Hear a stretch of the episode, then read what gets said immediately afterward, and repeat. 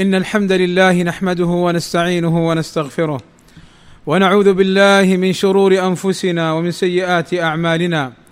من يهده الله فلا مضل له ومن يضلل فلا هادي له. وأشهد أن لا إله إلا الله وحده لا شريك له. وأشهد أن محمدا عبده ورسوله. ألا وإن أصدق الكلام كلام الله. وخير الهدى هدى محمد. وشر الأمور محدثاتها. وكل محدثة بدعة وكل بدعة ضلالة وكل ضلالة في النار. أما بعد فاتقوا الله عباد الله أينما كنتم وأتبعوا السيئة الحسنة تمحها وخالقوا الناس بخلق حسن. عباد الله شهر رمضان قد يكون ثلاثين يوما وقد يكون تسعة وعشرين يوما. قال صلى الله عليه وسلم الشهر يكون تسعة وعشرين ويكون ثلاثين فإذا رأيتموه فصوموا لرؤيته وإذا رأيتموه فأفطروا لرؤيته فإن غم عليكم فأكملوا العدة. وابن مسعود رضي الله عنه قال لما صمنا مع النبي صلى الله عليه وسلم تسعا وعشرين أكثر مما صمنا معه ثلاثين. وإذا كان الشهر تسعة وعشرين يوما فأجره كامل لقوله صلى الله عليه وسلم شهرا عيد لا ينقصان. قال أهل العلم أي في ثوابهما وأجرهما فلا غضاضة أن يكون الشهر أقل من ثلاثين. وآخر جمعة في رمضان ليس لها خصيصة ولا عبادة ولا ميزة كما يعتقده بعض الناس والأحاديث الواردة في ذلك مكذوبة على النبي صلى الله عليه وسلم ومن الاعتقادات الخاطئة والبدع المحدثة اعتقاد بعض الناس أن من صلى آخر جمعة من رمضان كانت كفارة لما سبق من الصلوات التي لم يصلها وكل ذنوبه.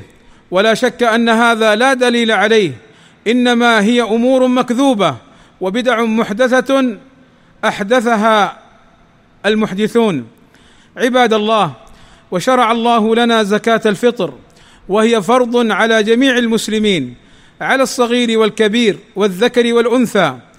فاخرجوها عن أنفسكم وعمن تنفقون عليه من الزوجات والأقارب. ولا يجب الإخراج عن الحمل الذي في البطن فإن أخرج فلا بأس في ذلك. وزكاة الفطر صاع من طعام صاع من البر أو الرز أو التمر أو غيرها من قوت الآدميين. قال أبو سعيد رضي الله عنه فرض رسول الله صلى الله عليه وسلم زكاة الفطر صاعة من طعام أي من طعام أهل البلد. ويجوز للمسلم أن يعطي زكاة الفطر الواحدة لعدة فقراء أن يقسمها بينهم. ويجوز أن يعطي الفقير الواحد اثنتين فأكثر لأن النبي صلى الله عليه وسلم لم يبين قدر ما يعطى فدل على أن الأمر واسع في ذلك. والأفضل إخراج زكاة الفطر يوم العيد قبل الصلاة ويجوز إخراج زكاة الفطر قبل العيد بيوم أو يومين. ومن أخرجها بعد صلاة العيد فلا تجزئه إلا إذا كان الإنسان جاهلا لا يدري كأن يأتي العيد بغتة. ولا يتمكن من أدائها قبل الصلاة أو يظن أنه لا بأس بتأخيرها عن الصلاة فهذا تجزئه بعد الصلاة. ولا يجزئ دفع زكاة الفطر إلا للفقراء خاصة. والله أسأل لي ولكم التوفيق والسداد وأن يغفر لنا الذنوب والآثام إنه سميع مجيب مجيب الدعاء. الحمد لله رب العالمين. والصلاة والسلام على المبعوث رحمة للعالمين وعلى آله وصحبه أجمعين. عباد الله يشرع التكبير كما أمر الله عز وجل في كتابه ولتكملوا العدة ولتكبروا الله على ما هداكم أي على ما وفقكم له من الطاعات في هذا الشهر. فيكبر المسلم الله أكبر الله أكبر لا إله إلا الله الله أكبر الله أكبر ولله الحمد. وقد ثبت أن النبي صلى الله عليه وسلم كان يخرج يوم الفطر فيكبر حتى يأتي المصلى. لكن عباد الله الجهر بالتكبير جماعة لا يشرع بل يكبر كل مسلم على انفراده. أما أن يكبر المسلمون مجتمعون في مكان واحد بصوت واحد فهذا من الأمور المحدثة المبتدعة التي حذر منها العلماء وتشرع صلاة العيد. فقد أمر النبي صلى الله عليه وسلم كما في حديث أم عطية أمرنا رسول الله صلى الله عليه وسلم أن نخرج ذوات الخدور. قيل له والحائض؟ قال تخرج وتعتزل المصلى أو كما قال صلى الله عليه وسلم. والسنة أن يأكل الإنسان قبل خروجه إلى الصلاة. تمرات. فعن أنس رضي الله عنه قال كان رسول الله صلى الله عليه وسلم لا يغدو يوم الفطر حتى يأكل تمرات. ويسن الاغتسال. فكان ابن عمر رضي الله عنه يغتسل يوم الفطر قبل أن يغدو إلى المصلى. ويسن للذاهب لصلاة العيد أن يذهب من طريق ويرجع من طريق آخر.